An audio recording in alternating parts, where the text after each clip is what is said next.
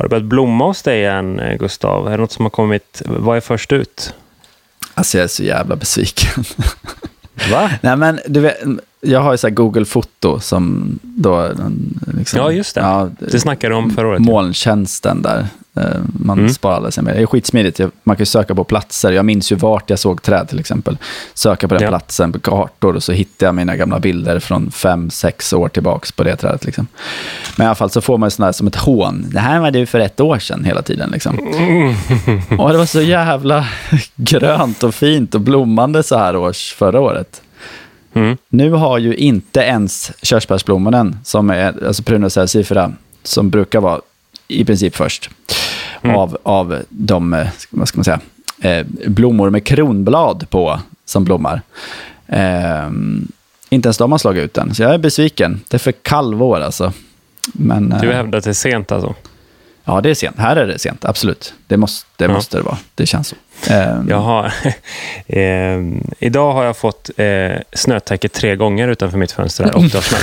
Tre gånger. Det är som ett, liksom, ett långfinger. och Bara, Verkligen. alltså förbaskat. Ja, så jag går, jag går och snackar lite med Tokyo, Tokyo körsbäret, judonensis. Ja.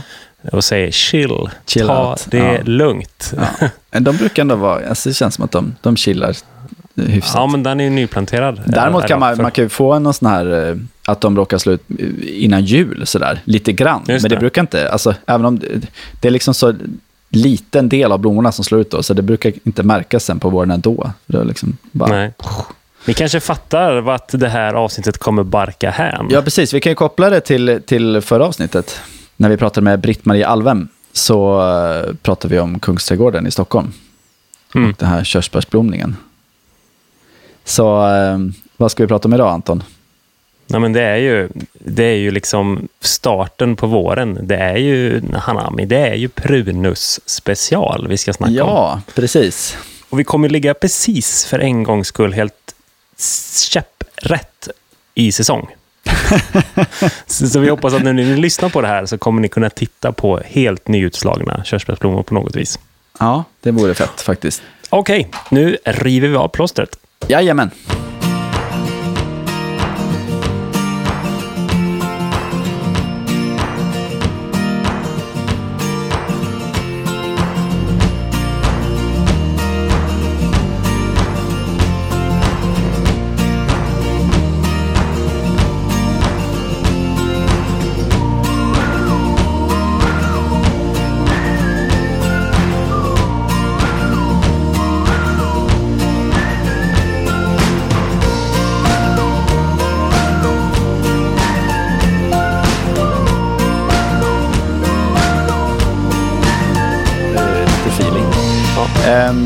Vi tjatar om det. Jag är ute och inventerar träd Mm. på innergårdar. Eh, I stort sett bara. För det är, inventerar åt MKB. Så det är alltså allmännyttan i Malmö, deras innergårdar. Eh, väldigt mycket prunus. Mm. Mm. Väldigt, väldigt, väldigt mycket prunus. Eh, mycket sorbus också. Eh, Mycket betula och, och eh, annat. Men eh, väldigt mycket prunus, mycket körsbär. Eh, Är det specifikt för MKB eller är det... Nej, det tror är jag inte. Mycket, Det är- jag tänker det så här, är- är det mycket körsbär i, i, i övriga Malmö också? Jag tycker inte det är det signifikant för Malmö. Nej, men jag tror in- innergårdar överlag, Ja. eh, i hela Sverige skulle jag säga, eh, Mm. är det, eh, man skulle kunna använda ordet överanvänt, men eh, Mm. ja, det är my- mycket användning av. Men det är ju för att det är ju liksom go-to-trädet när, när man tänker så här, ja men vi vill ha en vacker vårblomning. Mm. Mm. I, två veck I en vecka och sen skiter vi i resten. Ha? Ja, det är, vi, vi, alltså, vi ska ha en Prunus special. Vi börjar med att snacka skit om eh, Prunus. Men vad, vad har du för inställning till Prunus-släktet i stadsmiljö, Anton? Eh, ja, men som du märker då kanske lite tudelat. Eh, jag är väl helt inne på det här med överanvändning och att eh, nu skojar vi till det lite och slänger in en prunus. Mm. Alltså lite så. Och, ja, det är jättekul i april och sen är det inte så kul. Ibland, om man inte har tänkt till hela vägen. Jag tycker man kombinerar det lite för lite. Prunus i, i, i större landskapsplanteringar, det är ju där det blir en jättehäftig effekt till exempel. Mm. Eh, Och sen- eller att blanda olika. Precis. körsbär. Och- kan vara ganska schysst. Ofta väljer man just de här små sorterna, för man vill ha ett litet träd. Liksom. Mm. Mm. Eh, Ja, precis.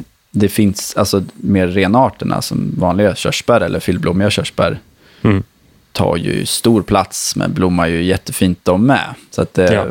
man, man ska inte alltid liksom bara använda de här pyttesmå sakerna.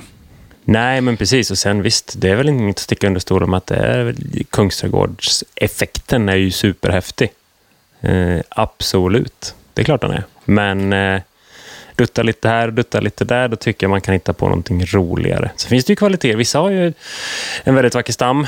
Prunus Macchi till exempel. Eller ett glanskörsbär. Där finns det ju också andra typer av kvaliteter. Men de har i alla fall tänkt till lite mer utöver blomningen. Och några sitter också inne med jättegoda höstfärger. Så att, eh, det, lirar absolut i stadsmiljö, men eh, lite överanvänt. Okej, då, då ska jag säga så här. Eh, Mm. Nu kommer jag på det. En enkel tumregel. Eh, ensamma prydnadskörsbär blir liksom inte... Det, det, eh, Mm, mm. det, det når inte hela vägen. Nej. Och då menar jag inte att man ska ha massor med prydnadskörsbär av samma sort, utan eh, som du sa precis, gärna blanda, men framför allt kombinera med väldigt gärna någonting vintergrönt. Eh, förslagsvis ett, ett eh, barrträd. För Mm. alltså när de blommar, då ska det ju vara i kontrast mot någon grönska, tycker jag. Japp. Så att det, Yes. Släng in lite tallar eller cedrar eller eh, något annat Mm. eh, i, i, i bakgrunden. Liksom. Och så Mm. ha, ha prydnadskörsbären i förgrunden. Då, då snackar vi effekt. Trädpodden tackar vår sponsor Bara Mineraler. Nordens största leverantör av pimpstensjordar till stadens utmanande gröna miljöer. Deras långa erfarenhet kring substrat anpassade för framtidens städer har fött produkter som nu inspirerar en hel bransch. Besök baramineraler.se och inspireras av projekt byggda på goda grunder. Tack Bara Mineraler. Utan ert stöd hade vi inte kunnat göra Trädpodden. Vad är, vad är hanami, Anton? Var kommer ordet ifrån? Eller var, vart används ordet? Ja, men så här. Eh, hanami, det har ju faktiskt spridit sig allt mer senaste åren utanför Japan. Eh, jag skulle säga att det är väl eh, något Skandinavien i lite bredare ordalag de senaste 10-15 åren kanske. Så skulle man kunna säga. Nådde Nordamerika för, eh, eller USA för eh, lite drygt hundra år sedan. Att- Ja, precis. Vi har inte riktigt fattat det där än. Eh, nu har vi fattat det, men det tog ett tag. Ja, eh, ända sedan 600-talet har man firat det här i Japan och det är, det är en högtid. Mm. Eh, och hana, Hanami, de är, vi inser också nu att de är över 1400 år före oss, då, för det betyder att beskåda blommor, Gustav. Så det är ju nästa Ja. steg då i trädskådning. Ja, just det. Ja, nej, men det betyder det, rakt upp och ner, att beskåda blommor. Eh, och på ett visst sätt då så kan det här också vara en symbolik för en nystart i Japan. Dels så talar körsbärsblomningen om att nu kommer våren. Mm. Eh, dessutom då så har de också en ekonomisk nystart samtidigt och det är också i kombination med skollov. Vänta ekonomisk nystart? Ja, ja, det är typ Ja. bo- boksluten ska Mm, in och sådär. mm, Ja, mm. men det är ju ungefär samma i Sverige. Ja. Så att det är också då en viktig del. Så det är väldigt många saker som just under den här perioden, eh, då slutet mars, eh, mitten april, när blomningen börjar i, i södra delen av Japan och sen går norrut och avslutas i slutet på maj, eh, längst i norr. Då händer det väldigt mycket positivt och våren är på gång. Eh, och sen då, eh, viss litteratur som säger så här, ah, man firar det med en picknick. Andra säger man firar det med ett fylleslag. Så, så, så man ser liksom körsbärsblomningen som ett... Jag, jag tänker så här, det är kanske är första gången man kan träffa vänner utomhus. Eh, För att det är lite varmt och det är lite trevligt i träden. Och då drar man till med en citattecken då, picknick. Eh, men, men picknicken övergår i någonting mer. Ja. Det är, också, det är så populärt så att många planerar också man klär sig upp sig och hyr folkdräkt eh, eller man tar eh, bröllopsfoton i förtid framför körsbärsblomningar i Japan för att sen använda det liksom som att titta vad, vad fint det här blev. Ja, just det. Så, så populärt är det. Och det är väl så populärt också att, att det används i, alltså, eh, vad heter det, eh, väderleksrapporterna. Så Mm. Talar de ju om det, liksom, hur långt har det kommit så att man ska hinna förbereda sig. Man vet ju inte riktigt exakt när det smäller till. Nej. Nej. Eh, men, men det vet de på väderleksrapporten och kan förvarna då att om en vecka, nu ta ledigt liksom.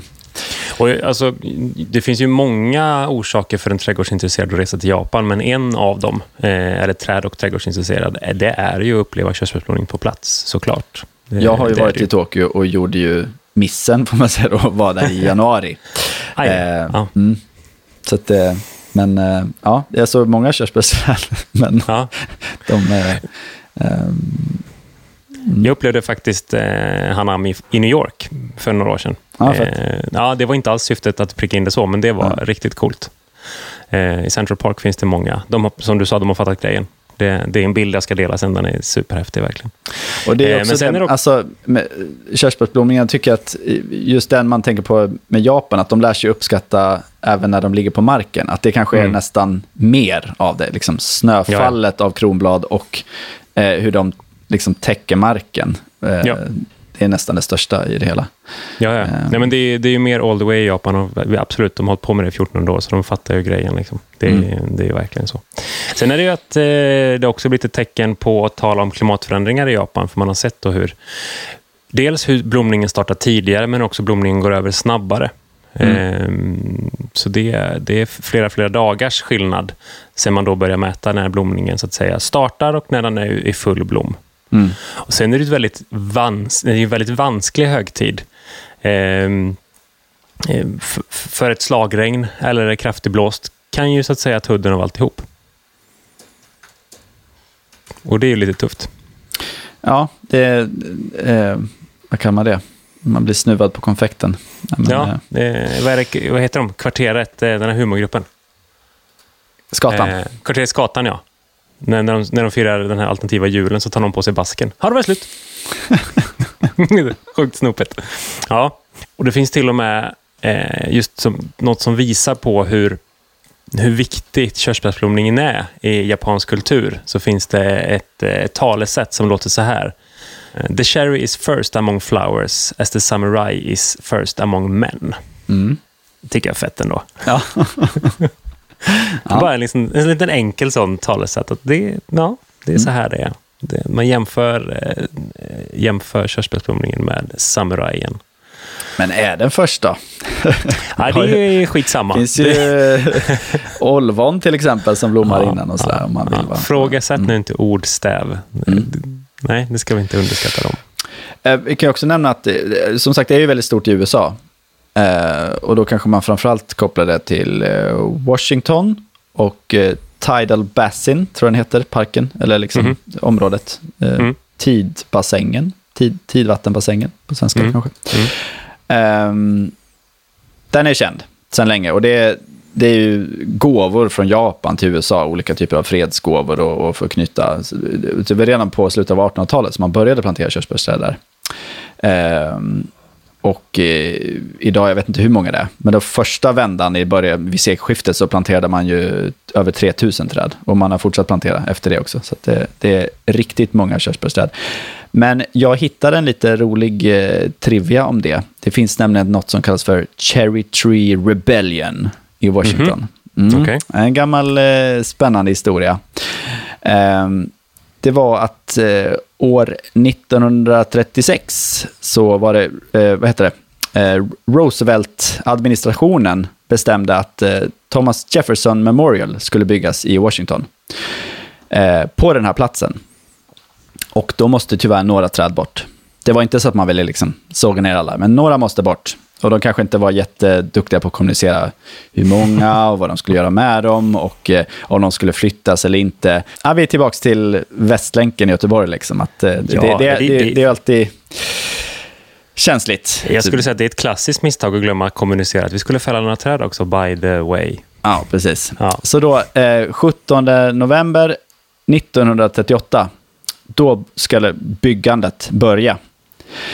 Eh, då kommer det 50 kvinnor marscherandes upp till Vita huset.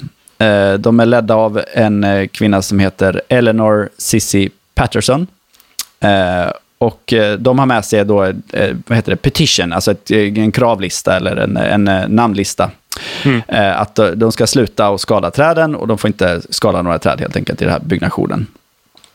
Dagen efter den här listan har lämnats över så eh, kommer samma kvinnor, desto fler då, det var upp mot 150 kvinnor sägs det då, eh, som har kedjat fast sig själva till eh, olika träd i parken eh, för, för att försöka eh, ja, eh, stoppa arbetet med, med att bygga den här Thomas Jefferson Memorial.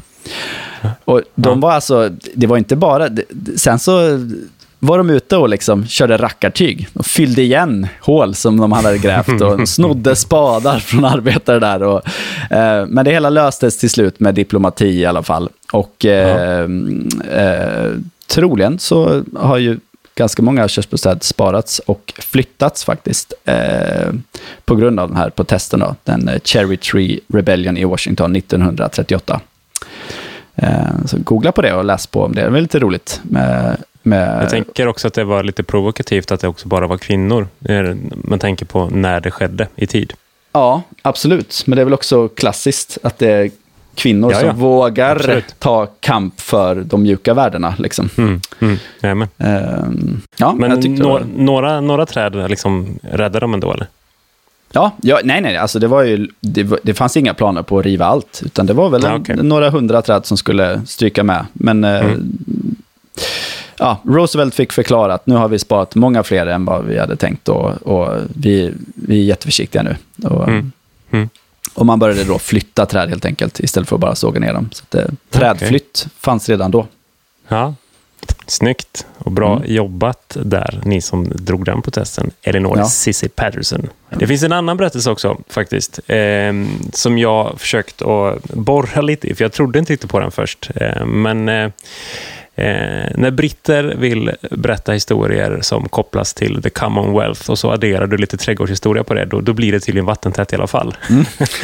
men, men, det fanns eh, ett eh, ett körsbärsträd, eh, en sort i Japan eh, som hette Taihaiku. Okay. Eh, och den var den mest populära sorten på 1800-talet. Okay.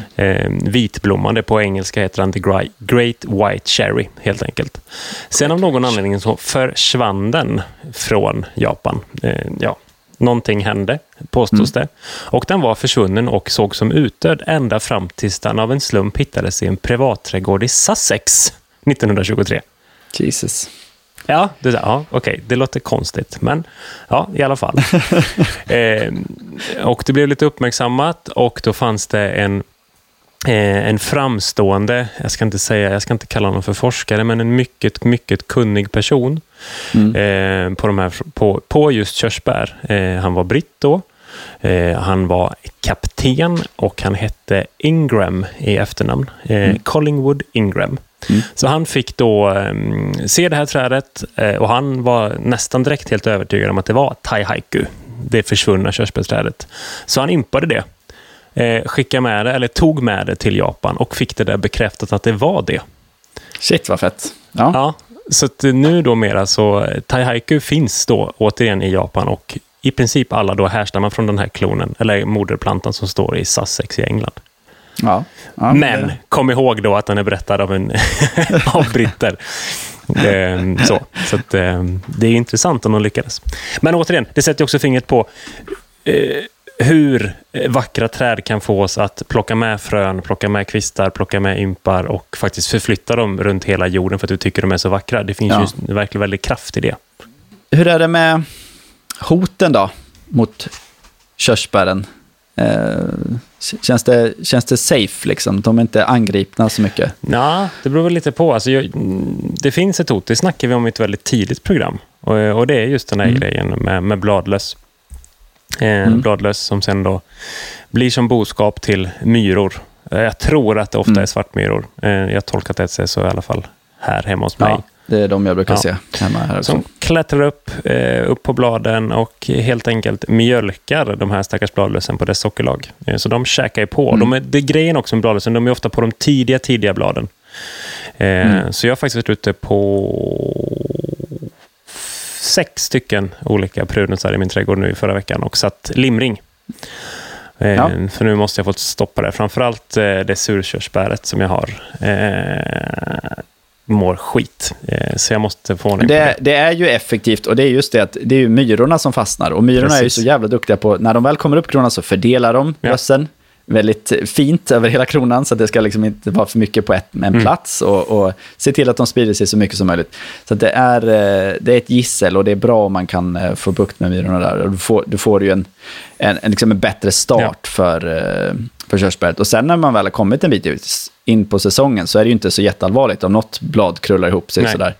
Eh, Så där kan jag tycka att den där limringen Mm. är effektiv, men den är så jävla ful att den ska ju bort så fort det bara går. Liksom. Och det finns inget värre än att se ett körsbär på vintern Med limring kvar. med limringen Nej. kvar. Och så gärna ja, har man lindat det med någon ståltråd som så börjar liksom, eh, gnaga sig in i stammen i, i takt med att den sväller. Så att det, ja, det, don't kill it with kindness, utan ta, ta bort eh, limringen så fort det bara går. Liksom, när det, man märker att nu, nu är det nog eh, lite för... Eh, ja, nu, nu har trädet kommit igång bra och, och inte så Och känsligt längre. sätter du limringen på ett nysat träd, vad ska du inte glömma då, Gustav? Trädstödet.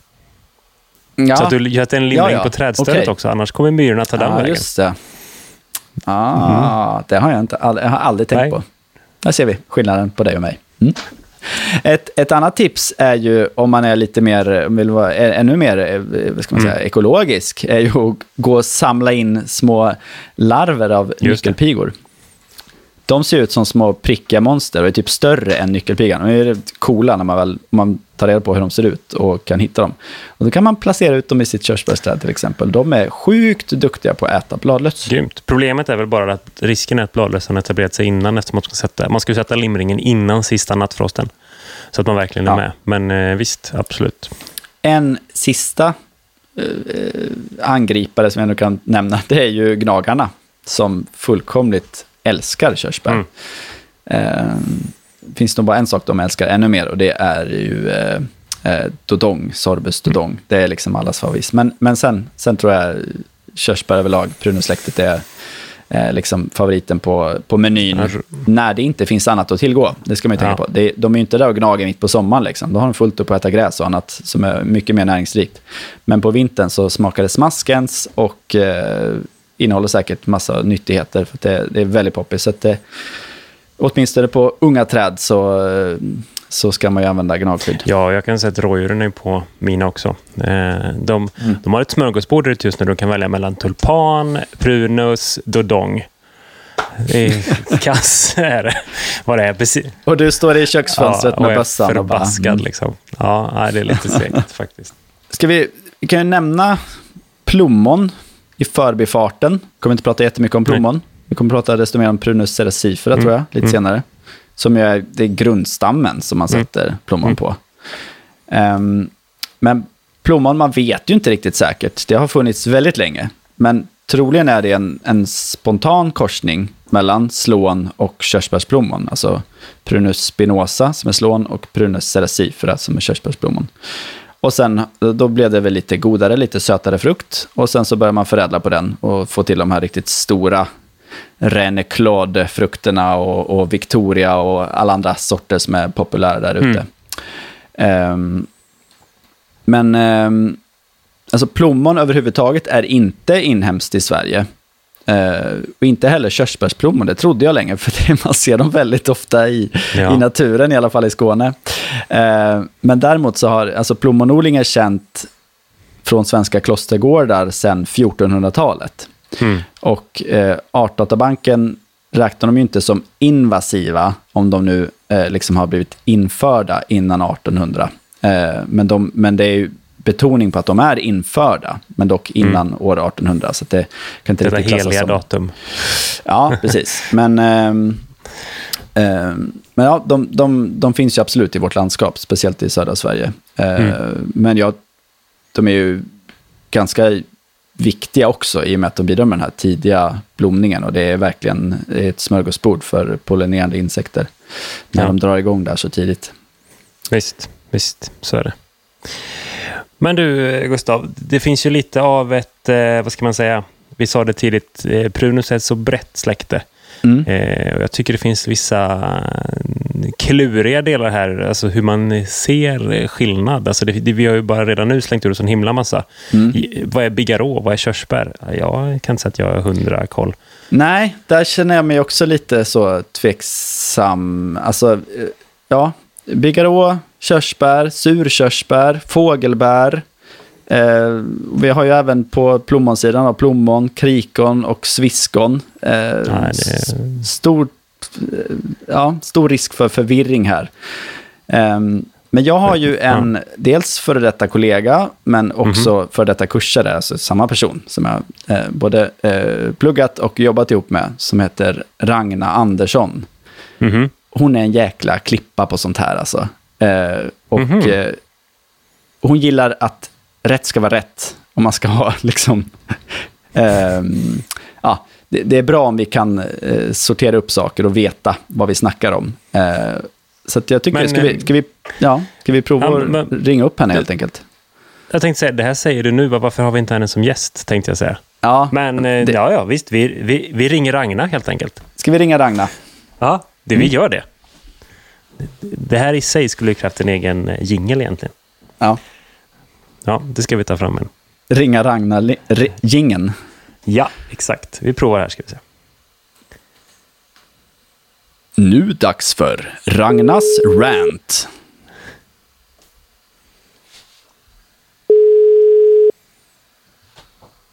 Hej Ragna! Hallå! Nu. Hej! Hej, ja, hej. Hallå Anton. Hej, det var Anton Ja, och Gustav här. ja men hallå hallå. Ragna, vi behöver hjälp. Ja, det är så illa. Ja, men, ja, men vi Nej, behöver reda ut lite här. Eh, vi, vi är inte helt säkra på vad som är bigarå, körsbär, surkörsbär och, och, eh, och så vidare. Fågelbär. Och, och, och vi är dessutom lite förvirrade kring det här med plommon, krikon och sviskon. Är det, är, det, Ja, något, ja, ja, ja. Liksom, är det något du eh, känner att du, du vill dela med dig eh, på, det ämnet? Det är en salig Ja. fruktsoppa liksom för oss, det är bara så. Ja men eller hur. Jag trodde ni var pålästa när ni har haft så många program här. Det är ni som ska vara experter och in- inte jag. ja, ja men gudars, vad, vad, vad ska man säga? Nu, nu drog ni upp en jättemånga eh, olika varianter. Eh, men om vi börjar med då fågelbär och eh, surkörsbär och körsbär, eller bigarråer då. Eh, så kan man väl säga att fågelbär är ju ett sötkörsbär. Eller det är liksom grund, eh, bigarrå, ursprunget, eller vad man ska säga. Eh, prunus avium ju. Ja. Eh, och vad ska man säga om det? Vad vill ni veta då? Liksom? Vad, vad är det ni behöver reda ut? Ja, men just eh, surkörsbär. Jag tänker att så här, man kan ju gå i skogen och något som ser ut som ett vanligt körsbär så är de väldigt sura. Och i vissa är väldigt Ja, söta. precis. Ja, precis. Och det är ju så himla roligt då, för då finns det då Prunus avium, det vill säga sötkörsbär. Mm. Och olika sorter eh, av det, bland annat då Stella och Merton Glory och sådär. Eh, Bigarråer, det som man brukar kalla. Och sen så finns det surkörsbär. Eh, chokladmaja och sådär som man brukar, eh, vad heter det? Eh, skuggmoreller och sådär. Just Och det. det. det är också en helt annan, det är en helt annan art, det är ju prunusrasen. Men det roliga är att de kan alltså korsa sig. Så Ah, går man ut i såklart. skogen så kan det vara vad fan som helst. så fråga inte mig då. Kan vi inte Och få det- ringa det- dig också då, Ragnar, när vi står där? Ja, men precis. Eh, och jag försökte läsa på lite innan ni ringde och de, har, de ska ju ha lite olika bladformer. Jag har faktiskt ingen aning om hur, hur korsningarna ser ut eller om man liksom kan skilja. De kan ha liksom olika mycket föräldrar i sig också. Ja, förstått men någonstans får vi ju dra gränsen också, kan jag tycka, vid, vid, eh, vid din och vår expertis. Då. Ja, ja, men precis. Men, men just Men surkörsbär. Eh, jag tycker du pratar om de här skuggmorell och eh, vad heter den andra, chokladmaja. Eh, Mm, det är liksom, de ser man inte så, längre, så mycket längre. Eh, inte så mycket i handen i alla fall. Vad, vad tror du det de beror på? finns. Ja, men de finns, eh, men grejen är att det är många som vill ha eh, sötkörsbär istället. Det är, de, det är de som säljs mest, skulle jag vilja säga. Särskilt privatpersoner då. Eh, och det tycker jag är lite synd. Och jag antar att det har väl kanske en del med, med namnet att göra. Surkörsbär. Folk ryggar tillbaka direkt. Liksom. Oh, nej, men sura körsbär. Vem vill ha sura körsbär? det, det vill man ju inte ha. Så det är lite synd att de, att de liksom heter surkörsbär. För de behöver inte alls vara sura. Eh, för de sorterna som finns i handeln, menar chokladmajan till exempel och skuggmorellen, de är ju riktigt söta och saftiga. Mörkbruna Eh, liksom lite mindre bär då såklart. Eh, men jättegoda. Och ska man liksom dessutom då laga mat eller baka eller göra fast eller likör eller you name it, alltså då är det ju de man ska ha. Mm. Garanterat. För de, de har ju både då syran och sötman. Och det är mycket smaken sitter liksom i syran som sötkörsbär och bigarråer inte har. Och dessutom då om man har hettar upp bigarråer så försvinner mycket en del av aromen som inte gör hos surkörsbären. Um, så att jag tycker att man, visst man kan ju vilja ha ett eh, bigarråträd också, jag ska inte skälla på det. Eh, men åtminstone kanske man ska ha båda då, både surkörsbär och sötkörsbär. Ja, just det. Eh, Jag får erkänna, jag har bara sett körsbär. ja, men jag brukar så just när jag pratar med, när jag pratar med mina privatkunder, alltså då får man ett Ofta så har man också en liten trädgård och man vill gärna ha, men då vill jag ha ett bigarråträd. Det är liksom körsbär så här vill jag ha. Man bara, ja, men de blir liksom 10-20 meter höga. Jättestora, de täcker hela gräsmattan, den lilla gräsmattan som man har på sin lilla tomt. Eh, blommar ju fantastiskt och i och för sig. Men sen så får man sitta och titta där liksom 10-20 meter ut när kråkorna sitter och äter upp alla bären en. De kommer inte åt dem. Eh, jag, kan, jag kan erkänna att, jag, erkänna att jag har ett av varje, surkörsbär Ja, men och vad, eh. Men jag kan ta, det är noll cred. Är, vi har fått båda träden från Mm. släkt och vänner när vi köpte huset. Så jag är glad för det nu, men eh, ja, ingen cred för det. Jag tycker du har bra släkt, släkt och vänner som har gett dig Ja. Verkligen. jag. Men- Ja, för de surkörsbären blir ju liksom ett mindre träd. Eh, och bären sitter längre, lite längre ner. Sen så blommar de ju också vid lite olika tidpunkter. Alltså, eh, sötkörsbären blommar tidigare eh, och surkörsbären blommar lite senare, vilket man får längre körsbärsblom. Körsbärsblommor är alltid trevligt, men det också betyder att man faktiskt får bär lite olika tidpunkter också. Mm. Man får ju liksom körsbär under längre period. Ja. faktiskt. Men bara, som jag har förstått det rätt då, Ragnar. Sötkörsbär och bigarrå, same same. Ja, exakt. Ja. Alltså, Bigarå är liksom sorter av sötkörsbär, Mm. eh, skulle man kunna säga. Och alltså, Ja. Det roliga är att jag, jag själv har lite dålig koll på, jag har aldrig provat ett fågelbär vad jag vet. Eh, och särskilt också de, för de, ska de finns ju naturligt i Sverige, de sprids naturligt. Men med tanke på att de kan korsa sig med surkörsbär, det är ju jättesvårt att veta Mm. vad det är man faktiskt äter. Men de, de ska också då få liksom mörka frukter som ska smaka väldigt gott. Så är man ute i naturen och hittar ett sånt med så kan det vara då ett sötkörsbär. Och Ja. de man köper i handeln då, de är ju garanterat framtagna för att det är stora, saftiga bär liksom, med god skörd. Leverans, leverans, leverans. Ja, precis. Men, men jag ska i alla fall säga det, det här med, med surkörsbär, det vill jag också påpeka. För det är många som kommer och frågar efter eh, klarbär, amareller, moreller, brunbär och vill liksom ha det som en sort. Mm. Eh, och då kan det vara bra att veta att allt det där, det är skit i samma, det är surkörsbär.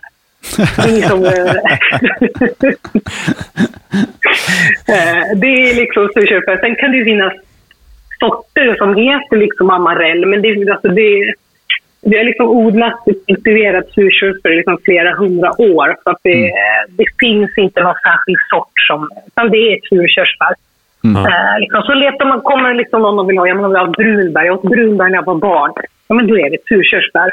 Mm. Och då går det lika bra med chokladmaja eller liksom skuggmorell att köpa än eh, liksom försöka få tag på ett brunbär som jag tror är liksom omöjligt. Eh, där. för då kan man liksom prata om, för då finns det då amareller så finns det mirabeller.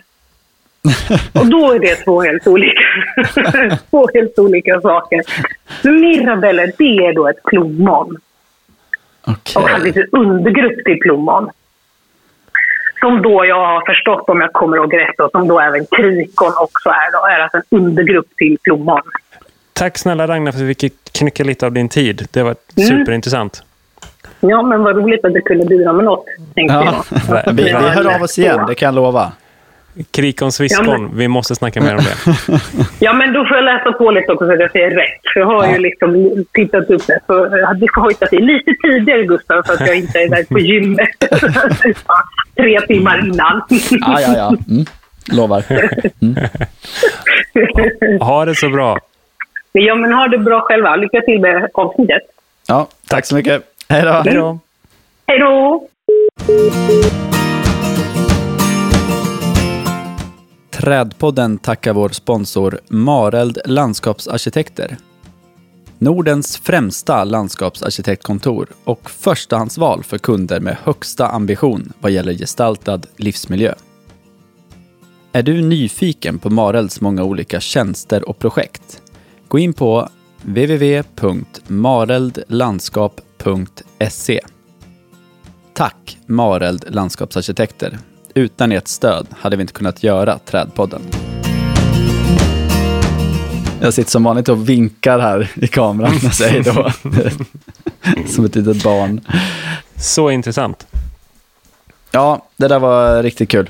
Uh, som sagt, vi får ha med Ragnar mer tror jag. Det, Ja, men det, i, ibland vill man verkligen ha de som har de här spets, specialistkunskaperna. Och, verkligen. Och eh, som jag sa i, när vi pratade med henne, hon är värd en bättre mick så vi verkligen hör. Ja, eh, det kommer. ja, det kommer. Ragnar, Ragnar will be back, Yes. det lovar vi. Okej, ska vi börja gräva i det vi har, Gustav? ja, det, det tycker jag. Uh, Ja. Vi ska gå igenom lite eh, arter och sorter i, i Ja. Prunus-släktet här. Uh, sitt inte hemma och var ledsna om vi missade just er favorit här, för det, det är för mycket tyvärr för att vi ska hinna eh, göra det här på, en, på någon sorts vettig tid. vi, Mm, vi vill vi inte släppa de här lite- tre timmars avsnitten, tyvärr. Nej, nej, det vill vi inte. Eh, utan vi skrapar på ytan och lyfter upp eh, hiss och diss här. Mm. Så nu släpper vi eh, plommon och så att säga körsbär för odling och fruktsättning. Mm. Eh, utan nu går vi på lite andra trädgårdsprydnads och stadsvärden. Ja, Eh, och då tänker jag, ska vi börja på det som är inhemskt, Gustav? det kan vi göra.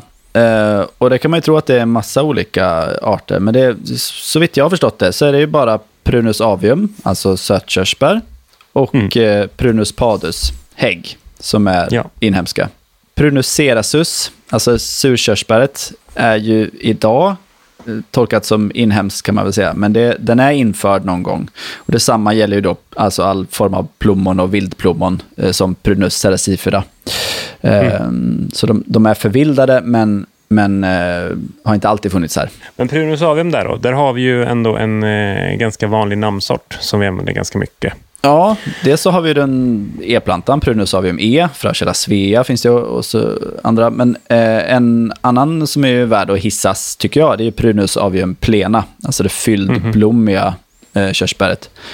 Som är ju, ja, liksom, eh, ganska ofta kan man se det att det är lite någon felleverans och sådär. Så att det, det står en Prunus avium och sen står det en Prunus avium plena bredvid. Eh, och eh, där eh, står ju Prunus avium sig slätt gentemot den här plena, den fyllblommiga som är liksom, eh, ja, det, det blir dubbelt så mycket blommor för pengarna helt enkelt. Och den blir också jättestor. Jag kan inte svära på, alltså Prunus avium ska ju på, i teorin bli lite större, men, eh, men eh, plena blir stor också. Eh, Breddar ut sig lite tidigare och drar inte iväg på höjden lika mycket möjligtvis. Men, eh, men eh, jättefint eh, prydnadsvärde och samtidigt ett stort träd som bidrar med mycket ekosystemtjänster. Det är inte det här lilla prydnadsträdet. Ehm, och den har, Blomfärg. sorten plena har funnits sedan tidigt 1700-tal. Eh, Mhm. I Frankrike så blev den till, så vitt jag vet. Okej. För blomfärg då, på plenan? Det är vitt. Eller Prunus avium? Ja, Det är vit blomning. vitt, precis. Mm. Och du har planterat lite plena. Ja, vi, vi gjorde faktiskt det på ett ganska kul sätt. Blev det. Eh, längs med ett, ehm, eh, ja, ett, ett torg som är till för bussar, ganska centralt, eh, sätter vi en enkelsidig allé som skiljer det här busstorget från eh, Viskan. Mm. Eh, Så tanken är ju där att få, precis som du säger, ett stort blommande träd på våren som också kan få den där härliga spegeln ner i vattnet. Mm. Ehm, Det kan ge- en ganska kul effekt. Ja, Eh, det- Så där har vi goda förhoppningar på. Det är det där som du är så duktig på, att tänka till. Speglingar och sånt där. Som jag, eh, sånt missar jag lätt. Jag ser bara, ska Ja, jag bli, inte, men stor, det- ska det bli mycket lite- ved, så det blir mycket inbundet kol och eh, mycket bladmassa. Eh, Ja, man kan, kan man komprimera ihop det där så är det ju skitbra. ja. Eh, Men det, men det är ju lite en passning till, återigen då, japansk trädgårdskultur, där vattnet är så viktigt och vatten ihop då med en väldigt fyllig blomning. Ja. Kan man knycka lite små korn och trycka in det i ett skandinaviskt klimat så tycker det är kul. ja, men verkligen. Mm. Eh, sen har vi häggen då. Och det är Ja. Prunus padus. som är hägg. Och den finns ju i princip hela Sverige. Den är ju nästan alla längst upp i norr, inte riktigt. Men eh, till, Mm. till odlingsgränsen i alla fall så har vi ju Prunus padus vildväxande. Eh, och ehm, den är ju populär att använda i stadssammanhang också. Eh, för att den är en ganska tålig rackare och, och växer Mm. på bra och fort. Ehm, men då finns det ju olika sorter och, och korsningar och annat eh, inom häggen också. Eh, den kanske vanligaste man ser är ju den Prunus padus watereri som är den eh, storblommiga eh, Mm. häggen. Och det är, det är just det som är skillnaden. Den här typ tre gånger så långa blomhängen som, eh, Mm. som den vanliga häggen har. Sen har vi även den här som är väldigt berömd för sin bark. Eh, det är kopparhäggen som heter Prunus maki. Just det. Eh, och den har ju den här härligt gyllengula flagnande barken och skiljer sig väldigt mycket från den vanliga häggen. Alltså det, de går inte att råka och blanda ihop helt enkelt. Nej. Det jag kan tycka lite synd med Prunus maki är att den används lite för mycket här i söder. Då blir inte fina Ja. alltså. Det blir liksom lite grått och tråkig bark och liksom den förlorar färgen väldigt, väldigt fort. Och ja, jag skulle vilja kalla den överhärdig nästan.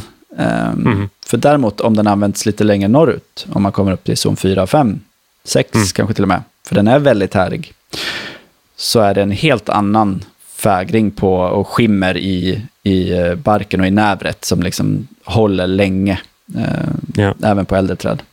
Så det är en rekommendation vad gäller Prunus Maki.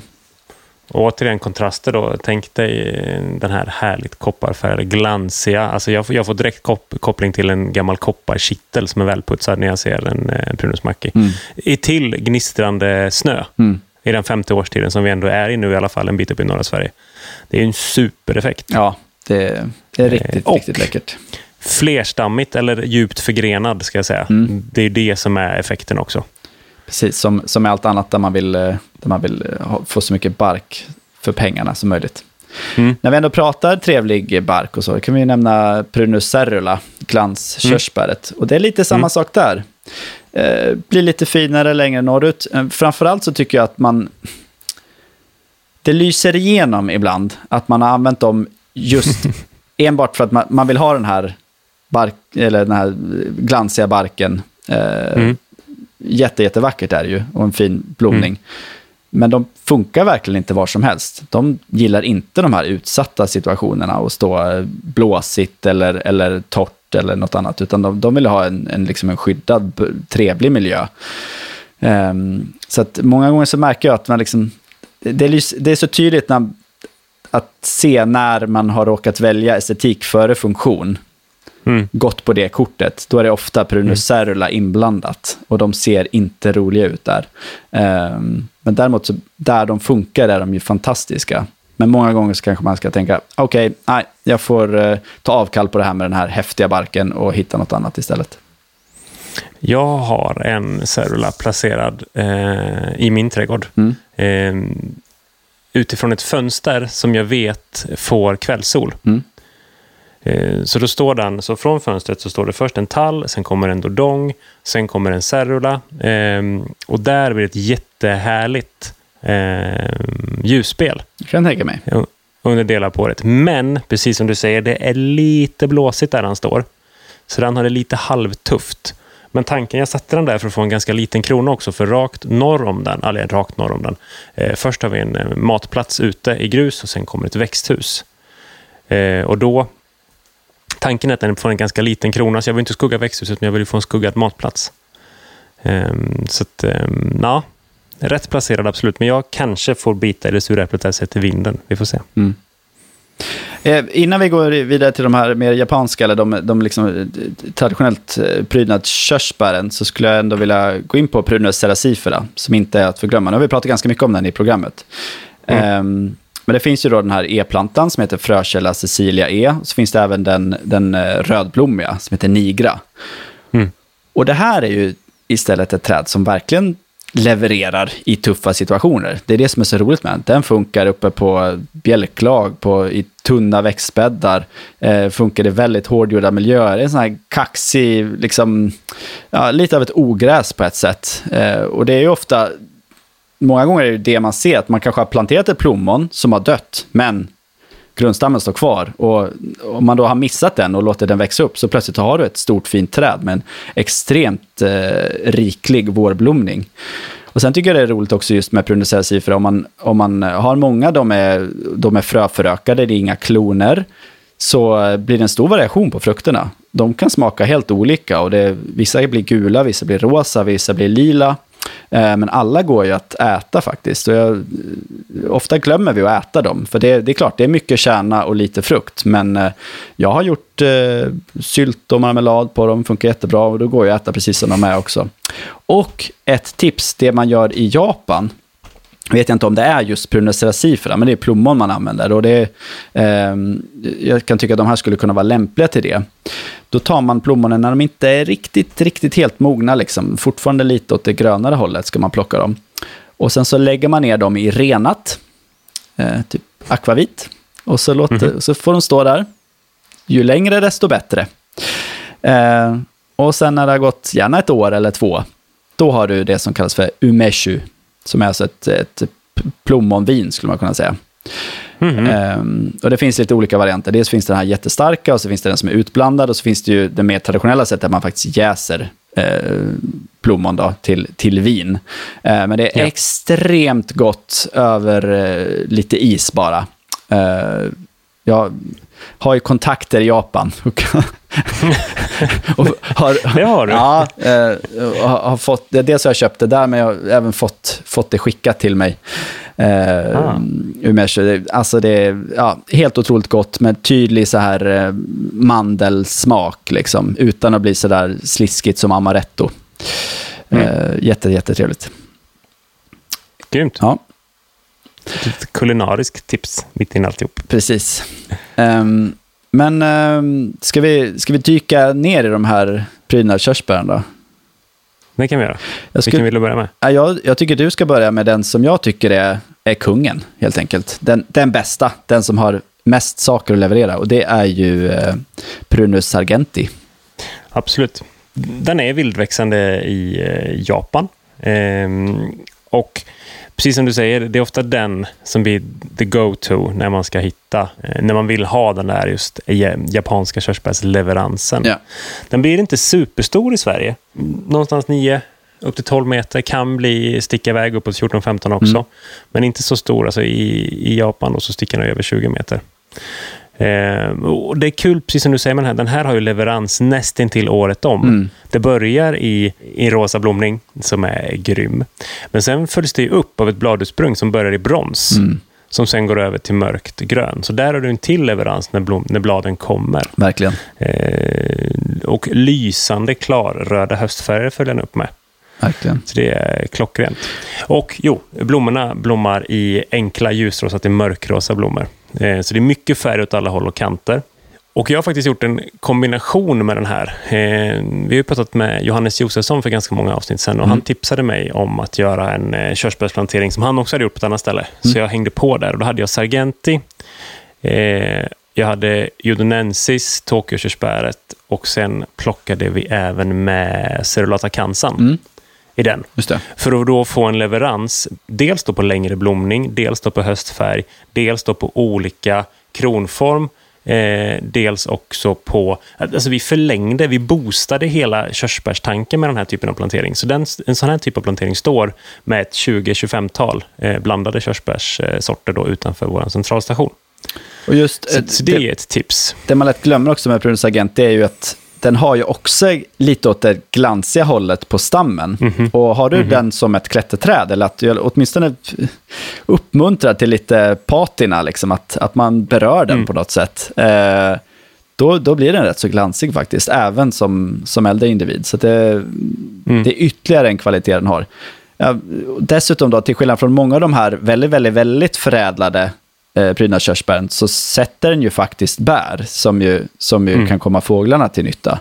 Eh, Jättesmå, oansenliga bär som inte skitar ner på marken, men ändå är eh, gott, gott för fåglarna. Så att, eh, Den har så mycket att ge och jag tycker det här, liksom, eh, nu ska vi inte snacka för mycket skit om prydnadskörsbären, men de, de är viktiga liksom.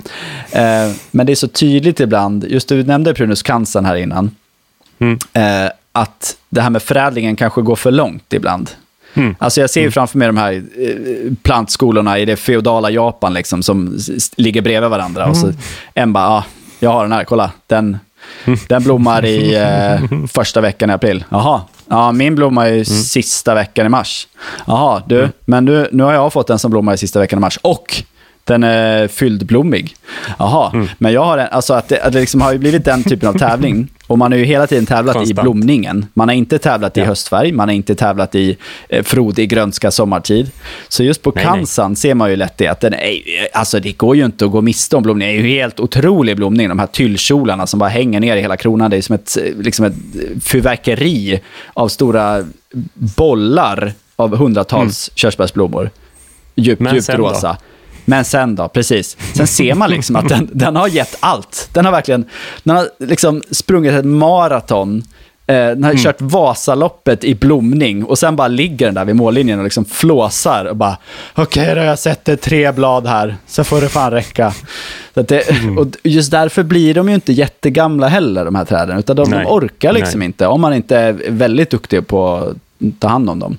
Och de drabbas ju ofta av det här grentorka till exempel, man ser mycket dött upp i kronan.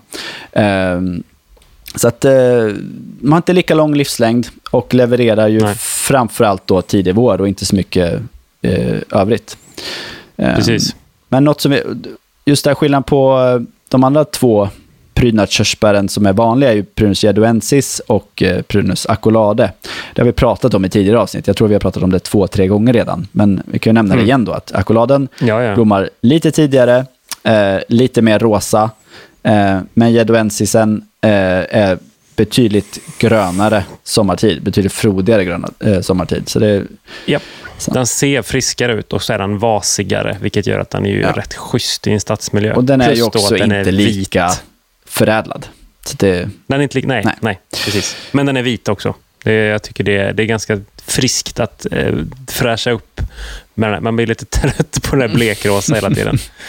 Det är liksom, ja, lite... så där, Så det, så det är en schysst kombination. Precis, men då har vi pratat om extremerna i blomning, skulle jag säga. Det är ju kansan och akolade, kanske de som är ändå allra fräsigast. Liksom. Eh, Mm. Sen har vi ju Ja. de som är mer extremer i form. Det finns det ju också. Mm. Jag vill lägga till en sak innan vi lämnar Accolade. Okej. Och det är ju, det är ju Prunus Accolade som är, som är Kungsträdgården. Ja, precis. Japp. Det, det är då man får den i- överdosen på sociala medier. Det, då är det Prunus Accolade som blommar. Ja. Eh, och det är lite kul, för det är en selektering från en brittisk plantskola. Mhm. Eh, och det, är inte en, det är inte en supergammal selektering, li, rikt eh, eh, Plena som vi nämnde innan. Den här är från strax före andra världskriget. Ska jag säga. Plantskolan heter Knapp Hill. Och eh, selekteringen skedde på eh, frön från Prunus sargenti och Prunus subritella. Så det är två olika föräldrar där. Eh, Nice. Tror man, ska jag säga. Den Mm. sista subritella är man inte helt säker på. Så det är lite intressant. Just vi säger ju akolade, men den heter ju accolade. Eh, vilket betyder hyllning. Så det är ju, ja, man var väl nöjd Ja, med den helt okej. enkelt. Det var en Ja, det. riktig pang-hybrid. Man borde läsa mer växtnamn i amerikansk tonfall. det, det, alltså det kan man ha ett helt avsnitt om. Eh, eh, så, eh, Magnolia typ. Alltså, ko- Ja. Kolla på amerikansk YouTube när de pratar om växter. So here we have a Magnolia tripetalae. Alltså, det, nej, det var dåligt. Eh, so here we have a Magnolia tripetalae. Or, eh, du vet det vi säger, pseudosuga menziesi, säger vi. Just det. Jajamän. Pseudosuga menziesi. Och det är säkert, det är ju, det är ju lika rätt uttal som vårt, men det, Ja, ja, för mig ja. känns det helt Visst. idiotiskt. Alltså latin får man uttala hur man vill, det är dödsspråk liksom. Vi går vidare och jag, jag prata lite om eh, prydnadskörsbär med olika former. Och det är här Mm, vi kommer in shoot. till ofta det här med att eh, eh, grundstammen bryter igenom beroende på vad de är ympade på. Så fråga plantskolan, vet ni vad de är ympade på? Eh, och och eh, ställ dem lite till svars där, när ni ska beställa sånt här, det tycker jag. Eh, så den vanligaste är ju Prunus ex eminens umbraculifera. Det är alltså klotkörsbäret. Är de någonsin fina? Det hörs på det svenska namnet vad det där är. It's a lollipop tree. Ja, precis. Eh, Nej, men de, Ja. de, de kan ju bidra med saker, till exempel att man har en plats där man verkligen... Man får inte plats med något annat. Eh, Nej, nej. Men de blir ju ganska breda så småningom. Alltså det är ju inte sällan man ser dem med en 3-4 meter bred krona åtminstone. Så det får man ha med sig. Eh, och jag skulle säga livslängden är typ 30 år. Sen, är det, sen ser de inte roliga ut längre alls. Eh, risigt kronan, de börjar tappa, alltså ympen är ofta lite dålig, tappar grenar hit och dit och då får du ett, ett, ett halvt klot, eh, en halvmåne. Eh, så- okej. Sen har vi eh, pelare, där är kanske den vanligaste sorten är Prunus amanogava. Eh, Mhm. Otroligt fin blomning och den är, tycker jag, så här, den levererar ganska bra ändå. Eh, det tvistas väl lite kring, kring den i hortikulturella kretsar. Men det är samma sak där, även om den är basympad så ganska ofta ser man grundstammen ta över, så man får vara med där och såga bort. Senast idag vid inventering såg jag en eh, fem meter hög Prunus avium med eh, en meter amonogava, eller en och en halv meter Mm. amonogava nederst till, eh, som stack upp som lite små spröt. Liksom. Snyggt. Eh, sen har vi den kanske, den absolut sämsta på min disslista här. Och det är Prunus Kikushidare Sakura, den hängande. Eh, de måste ju alltid vara toppimpade. Ympen håller aldrig. Alltså jag har aldrig sett ett lyckat exemplar där ympen håller bra. Så det är, Visst har du den här japanska trädgården och du går och pysslar där och, och med den lilla, lilla rossaxen klipper dagligen liksom och står där och, och penslar bladen typ. Ja, då kanske du kan ha en sån här. Men eh, har man inte nitisk skötsel och, och alltid i världen så de är inte så roliga. Och snälla, det, det finns så mycket roligare saker att ha än de här eh, hängande, skulle jag tycka. Eh, Men eh, jag blir gärna överbevisad. Skicka in er finaste bild på Kikushidare Sakura så får vi se om jag gör en pudel i nästa avsnitt. Mm, det är ett snyggt namn om inte annat. Ja, det är det. Det är väl det det är. All right. Det kommer en liten for, formdiss från Gustav. Ja, vi, nu har vi rört till det, eller har vi det? Har vi några kvar? Det är väl det jag ska fråga. Ja, det har vi. Ja. Eh, Jag skulle vilja fånga upp några svängar, för eh, du sänkte ju lite grann eh, Prunus relata cansan, Mm. som du sa lite snabbt, Prunus cansan, eh, med som sagt too much Mm. eh, flowering. Men jag vet att du har ju snackat lite om att det finns sorter av Prunus relata som ändå funkar. ja, just det. Som jag, jag är helt med på det, jag tror stenhårt på dem. En som verkligen levererar är ju Prunus Cerulata Sunset Boulevard. Ska inte svära på det, men det måste ju nästan vara en amerikansk sort. Det har man ju på namnet. Den tenderar att leverera väldigt bra i lite Mm. jobbiga situationer. Där det liksom är väldigt eh, blåsigt och varmt och torrt eh, och annat. Så står de bara där och liksom tackar och tar emot. Blommar varje år.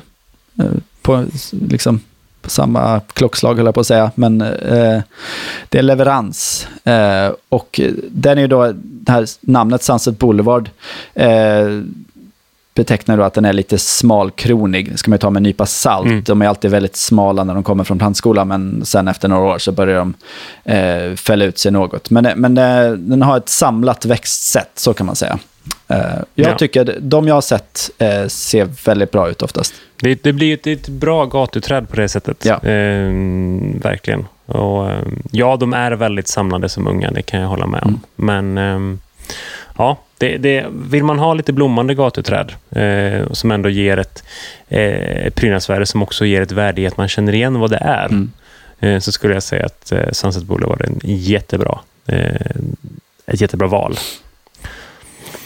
Ehm, ett träd som har blivit lite, lite ny kärlek för mig är ju Veixel. Ja, den är fan Ehm. helt jävla underbar alltså. Ja, ja. Och den, den, är, den, är, den är cool i sina namn. Alltså på latin, Prunus mahaleb, Mm. det är ju bara det rätt fett. Och sen Veixel, då tänker man, okej, vad är det här? Där är det helt, man tror inte ens att man är i samma släkte som någonting annat vi pratat om innan. Nej, precis. Eh, eh, roligt. Eh, finns ett jättefint exemplar i Pilandsparken i Malmö. Den här blir ju bredare än vad den blir hög. 5-6 meter hög, 10-12 meter bred alltså. men det är otroligt läckert och ger det här lite savannuttrycket och perfekt på till exempel en lekplats. Och du kan ha den här ganska låga kronan och ha verkligen en lekplats under trädet för barnen. Eh, sätter ju ätbar frukt, men eh, alltså, det är inte jättespännande. Men där innanför så sitter det en sten och inuti stenen så sitter det en kärna. Och den här kärnan kan man eh, mala ner och blanda ut i, som krydda i till exempel bröd. Det är en ganska bitter krydda. Och man använder det ofta vid bakning av söta bröd. Till exempel sån här körek eller vad det heter från, eh, från Mellanöstern. Eh, mm. Eh, och det är just därifrån den här stammar. Mellanöstern och eh, Medelhavsregionen. Prunus ja. mahaleb. Ja. Det jag också har upplevt den som att den är ganska sen i invintringen. Eh, vilket jag mm. kan ju dels tyda på att den inte är superhärdig, men också ganska roligt när liksom allt annat bara har gett upp och fällt sina blad, så står den där ganska grön och fin. Liksom och, Va? Vadå höst? nej, nej. Det, jag väntar, det kommer snart lite värme till. Jag är inte redo ja. att fälla bladen än. Um, men uh, ja, en, en, en trevlig sak uh, att ha att göra mm. med. Uh, mm. Och just allt, allt som härstammar från Mellanöstern och eh, Medelhavet kan man väl säga är, är väldigt värmegynnat. Så att, den funkar bra i stadsklimat. Och ofta, det är en liten spaning här, men ofta ganska intressanta i sin form. Ja. Det är lite genomgående också, mm. faktiskt. Så kan det, är lite vara. Mm. Eh, ja, sen har vi en annan liten slamkrypare här som också åker med lite på, på ett bananskal och det är ju lagerhäggen. Ja, eh, vi, kan, vi kan bara liksom nämna att de tillhör Prunus-släktet. Prunus laurocerasus lagerhägg. Eh, jag skulle nog säga att det är 2000-talets eh, spirea ja. höll jag på att säga. Ja. När det kommer till eh, när man väljer dem i, i busk. I buskmiljöer. Ottolojken. Eh, var... Alltså miljoners, miljoners ottolojken är planterade runt om i Sverige. Den rackaren. Ja. Sen har det följts upp en hel del andra namnsorter därefter som jag skulle bedöma i alla fall lite längre norrut i Sverige mm. är bättre än Otolojken. Otolojken är inte superbra, i alla fall inte zon 3, zon 4. Nej, det finns ju otroligt många former. Alltså. Etna blir jättestora hög med stora blad. Eh, mm. Och som sagt, Otolojken är ju väldigt, väldigt låg. Eh, mm. Så det finns alla typer av former på dem. Eh, men, mm. men det är bra om man vill ha en vintergrön häck också. En uh, vintergrön klippt häck. Mm, eh, mm. Ja, det verkligen. trista är ju om man klipper den med en eh, häcksax så får du halva blad. Mm. Eh, för de är ganska stora, det. så det, det, blir inte... En trevlig grön lever leverans får man ändå säga. Och det är ganska vanlig syn i nybyggda fyrkantiga villor till sprängsten. Tror sjutton att det är så lagerhägg där. Ja. Uh, är man i zon 1 åtminstone, så nu, mm. sorry alla zon 2 och uppåt. Uh, mm. Så om man vill ha en klippt lagerhägg, häck, eh, så hade jag hellre satsat på Prunus lusitanica. Den portugisiska mm. lagerhäggen. Har mm. mindre blad, eh, mycket, mycket tätare växtsätt och går att klippa helt, verkligen superrakt. Liksom. Ja. Eh, ja. Som en riktig helikopterplatta. Eh, så det, det, är ett tips. Eh, och, och, den är också väldigt fin som, som träd om man vill. Men jag har sett gott om dem i, i, i Holland till exempel, där är kanske den vanligaste vintergröna häcken faktiskt. Som ni märker, det är ett brett släkte vi är inne och harvar i. Mm. Eh, Ragna, Ragna nämnde ju också eh, aprikos, persika, eh, men eh, mandel är ju faktiskt också en del av prunussläktet. Ja, precis. Eh, och det har vi inte så mycket av i Sverige. Men Nej, i Malmö har vi några, några få persikomandlar. Okej, okay, nu, nu, nu snurrar du till det. vi avslutar alltihop med att blanda ihop det här igen. Persikomandel, berätta mer. Ja, alltså persikomandeln är då Prunus ex persicoides. Som ja. är alltså en korsning mellan persika och mandel. Eh, och det står två kändisar kan man säga i Malmö. Eh, precis mittemot Sankt Knuts torg så är det en litet en hundrastgård.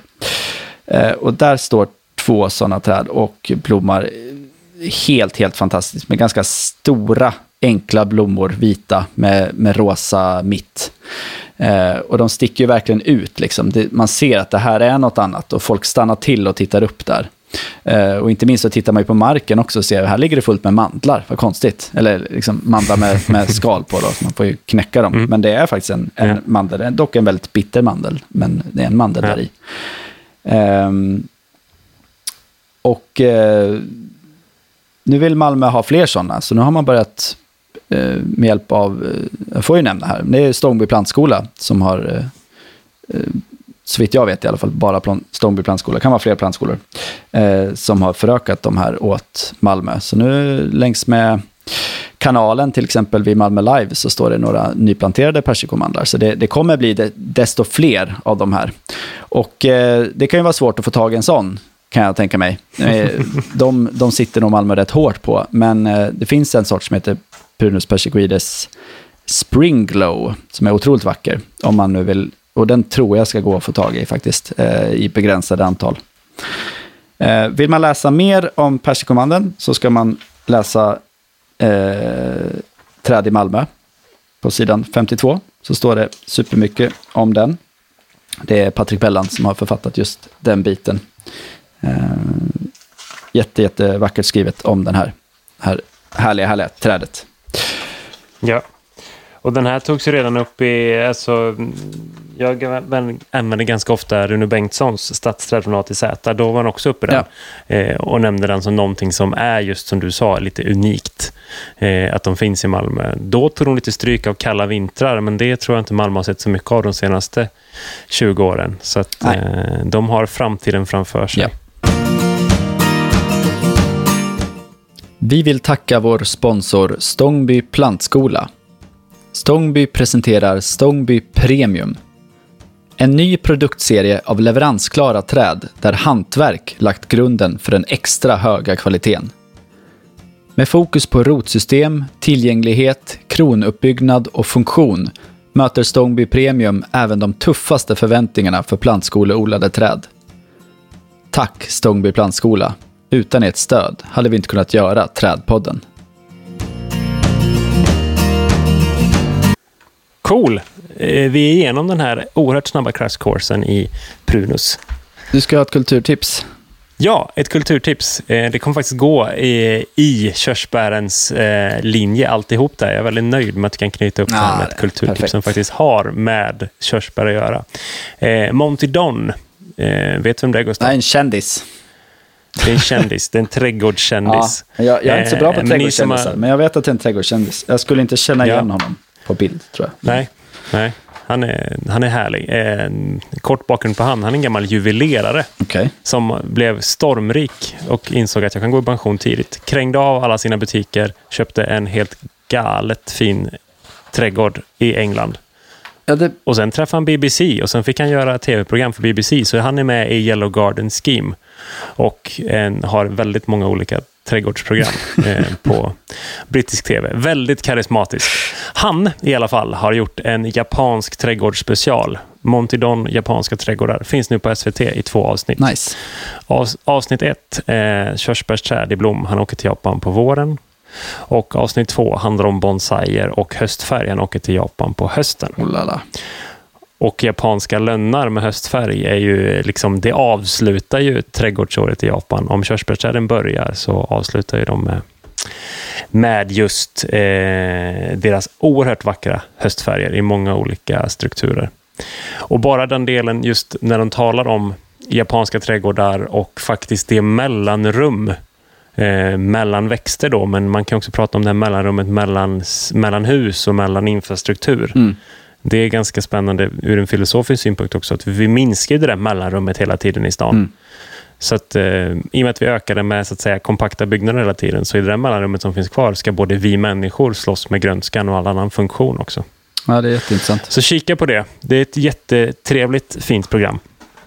Eh, Monty Don är ju cool, jag gillar han. Låter bra. Ja, SVT Play.